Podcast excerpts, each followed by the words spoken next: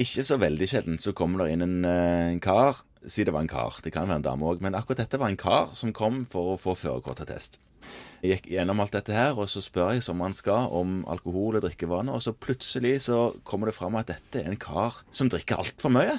Han er ikke klar over sjøl at dette er for mye, men han drikker mye for mye. Og jeg vet du er her, Kristian, men siden vi òg har Torgeir Giljeli i studio som forsker på alkohol, så tenkte jeg å stille deg spørsmål. Plutselig har jeg fått et problem i fanget så jeg ikke har tid til å ta hånd om akkurat nå. Skal jeg sette opp nye timer og snakke om dette, eller hva skal jeg gjøre med dette her plutselige problemet? Du skulle aldri spurt, vet du. Nei, du skulle aldri ha spurt. Da får du det rett i fanget. Ja. Og det er klart, når en skal bli flinkere til å spørre pasienter om alkohol, og gjøre det oftere, så vil du òg iblant komme i en situasjon hvor det er en pasient som har et veldig stort problem som du ikke hadde tenkt på på forhånd. Jeg hadde ikke tenkt det i det hele tatt. Nei. Ikke noe historie på at det skulle være noe Jeg mistenkte det ikke. Nei. Og Gå det, på jobb og alt mulig, kjøre liten lastebil, vet du. Det er ja, jo- og sånn er det noen ganger. Det er klart det er jo I forhold til førerkort så er det jo noen formelle ting der som en bare må håndtere. Nei, at jo, den ikke det, er- altså, men nei, men, men, men den er jo litt enklere, for der er det klare rammer for, for virksomhet. Men så er det hva skal vi gjøre for å hjelpe denne pasienten? Ja. Og det kommer jo selvfølgelig først og fremst an på hva pasienten ønsker sjøl. Og på dette feltet med alkohol, som i, på alle de andre medisinske felt, så er det jo sånn at de fleste tilfellene, de fleste gangene, så har vi det som trengs i vår praksis for å hjelpe pasienten. Og det første er jo å, å sammen med pasienten prøve å avklare hvor stort problemet er. Og der kan vi bruke standardiserte verktøy, hvis vi vil det, som Audit, som er et kartleggingsskjema med ti spørsmål, eller andre. Det gir et mål på, på problemet. Det har ikke løst problemet, men, men Bruker du disse, Au- Kristian? Aud- Audit ligger i Nell, mener jeg. Så det Audit har, ligger i Nell. har og- jeg lasta ned derfor. Det er ganske lett tilgjengelig Ja. der.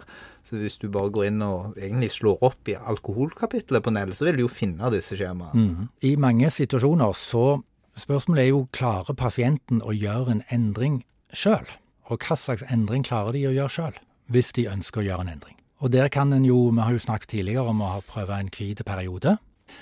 En del vil jo klare en hvit periode, da har de jo ikke drukket hver dag. Da er det jo ikke fare for delir, f.eks. Altså, det må vi jo òg avklare. Har de drukket så mye at vi må gi de de første dagene forebyggende medisiner for at de skal gå i alkoholisk delir? Det vil jo gjelde noen.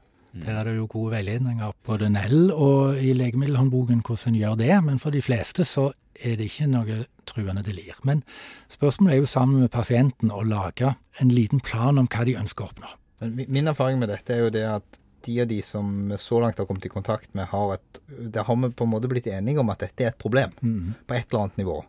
Eh, Enten fordi kona mener det er et problem, eller fordi det er et problem i forhold til et eller annet eh, sertifikat eller en eller annen attest, som gjør at de har en slags motivasjon for å gjøre noe med det. Og så bruker vi nok disse eh, skjemaene litt for lite til å prøve å anskueliggjøre, klassifisere og kvantifisere problemet. Men derfra videre så opplever nok mange fastleger at de har litt lite verktøy. For da blir det De som klarer å holde seg hvite en måned, de håndterer vi ganske greit. Da har vi en god allianse, vi kan snakke om det, vi kan følge de tett opp. Vi har den styrken at vi er enormt tilgjengelige. Men så har du de som krever noe mer enn det. Ja, De som ikke klarer det, så må en jo allikevel prøve å finne ut hva Altså, Vi forutsetter jo her at de ønsker en endring. En er enige om at her er det noe som ikke er bra. En vil et annet sted. Vet ikke helt hvor det er. Klarer ikke å slutte helt, men en vil gjøre en endring. Vi må si, før vi går videre, også, Tore, for det er jo noen ganger hvor pasienten ikke vil det. Og da kommer jo disse tingene inn som vi må tenke på. Og det er hun ene som har vært innom med kjøring.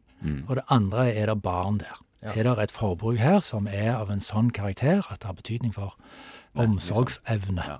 Det, det er vi pliktige til å tenke på. Og de gangene hvor en ikke får en allianse, så er det jo ekstra viktig å ha tenkt på det. Det kan vi jo ikke gå langt inn i, men, men det er veldig viktig at det er med i legen sin tenkning rundt disse pasientene som eh, er litt vanskeligere å hjelpe. Motstanden Torgeir, hos en del fastleger vil jo da være at hvis det eh, ikke er en veldig god allianse, og du melder dette til barnevernet, så står du i stor grad i fare for å sementere den negative alliansen. Er det en reell frykt? Og det er klart, det er det jo noen ganger, men, eh, men er det viktigere enn det andre oppdraget i forhold til det en skal oppnå? Sånn at det kan vi på en måte ikke handle ut ifra. Og jeg har jo òg opplevd at uh, pasient kutta meg ut istedenfor alkohol. Det har jo forekommet, men mye sjeldnere enn jeg hadde trodd på forhånd. Og i forhold til da, hvis vi nå er tilbake igjen der hvor en har en rimelig allianse, en har en pasient med et høyt, langvarig forbruk som ønsker endring, så er jo som sagt første punkt å avklare litt mer rundt hva de ønsker, hva slags endring de ønsker. Hvordan ser de for seg i framtida? Altså, hvor vil de hen? Hvordan vil de drikke? Hva slags forhold til alkohol vil de ha? Og ikke minst da, hva erfaringer har de med endringer før? Utforske ikke bare hva, som vi snakket om tidligere, negative erfaringer med alkohol, men utforske de positive erfaringene med endring. Hva har du klart før? Hva var det som gjorde at du fikk det til? Hvorfor klarte du en hvit periode? Hva var rundt deg i livet ditt, eller hva hadde du sjøl sørget for at var på plass for at du klarte det? Og så bruke det i planen videre. Og så lage en Og dette, disse tingene trenger ikke ta lang tid. Og så når en da liksom vet litt om hva pasienten ønsker, hva han tror han klarer å få til, så blir det jo en prosess å komme dit. Da må vi jo snakke med dem noen ganger. Og så har vi ting i verktøykassen. Snakket vi litt om kartlegging som litt av verktøykassen. Det kan vi bruke i noen sammenhenger. Og så har vi i verktøykassen både erfaringer med å hjelpe folk med livsstilsendringer på andre områder. Dette er jo ikke veldig annerledes. Vi snakker med diabetikere, hypertonikere overvektige. Det er jo de samme mekanismene. Hvis en har vært på kurs i motiverende intervju, så har en lært noen teknikker der som en kan bruke. Så har vi medikamenter vi kan skrive ut som hjelper litt. Hjelper noen. Ingen vidundermedisin, dessverre, men det er, Nei, det er flere ting å velge iblant der òg.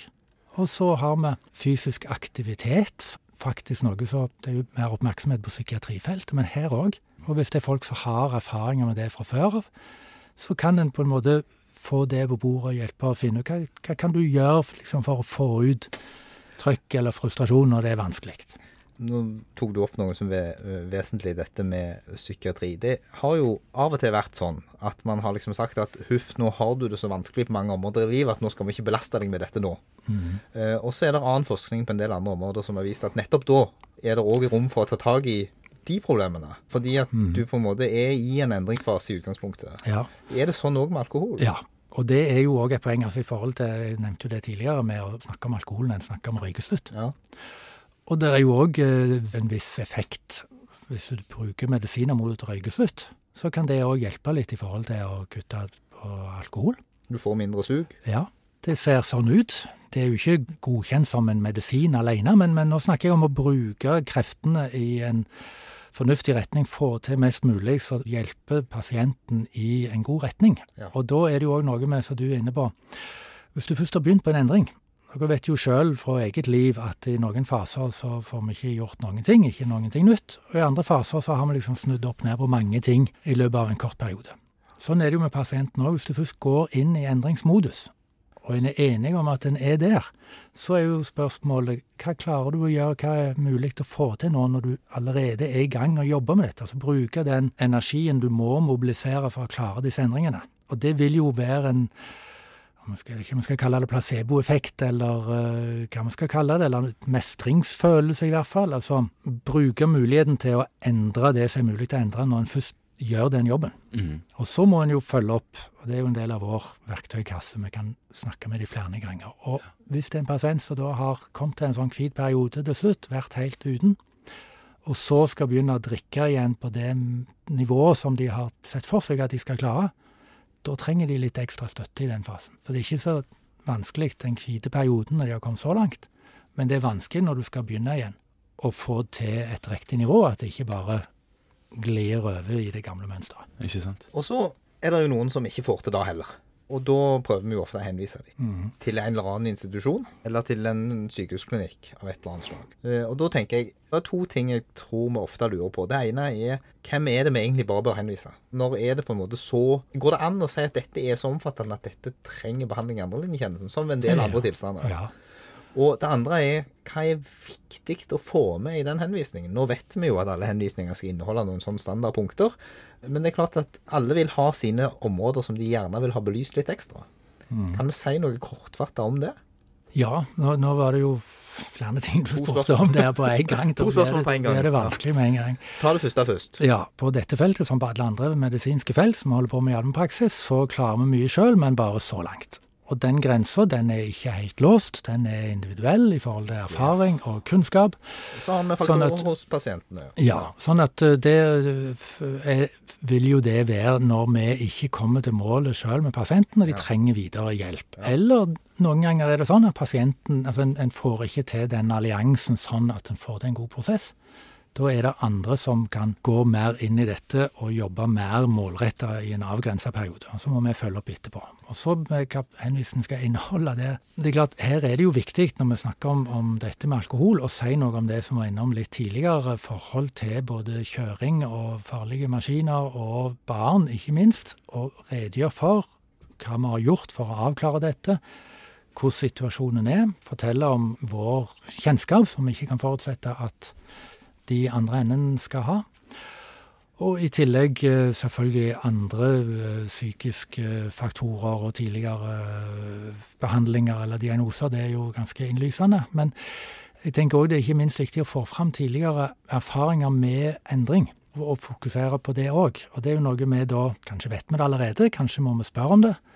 Men det gjør òg noe, tror jeg, med pasienten å måtte fortelle ikke bare om uh, mislykkethet og negative ting, men òg få litt rom til å fortelle om mestringserfaringer med endring før, og forstå at det er gull verdt i forhold til endringsfasen i Scaly nå. Og hvis vi kan løfte det fram i henvisningen og vise det til Poliklinikken Rogaland A-senter, så tror jeg vi har hjulpet litt ekstra.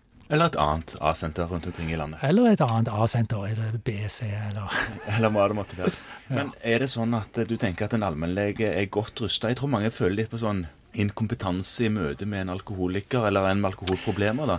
Er det nok kompetanse i allmennlegen, eller burde en gå kurs, liksom?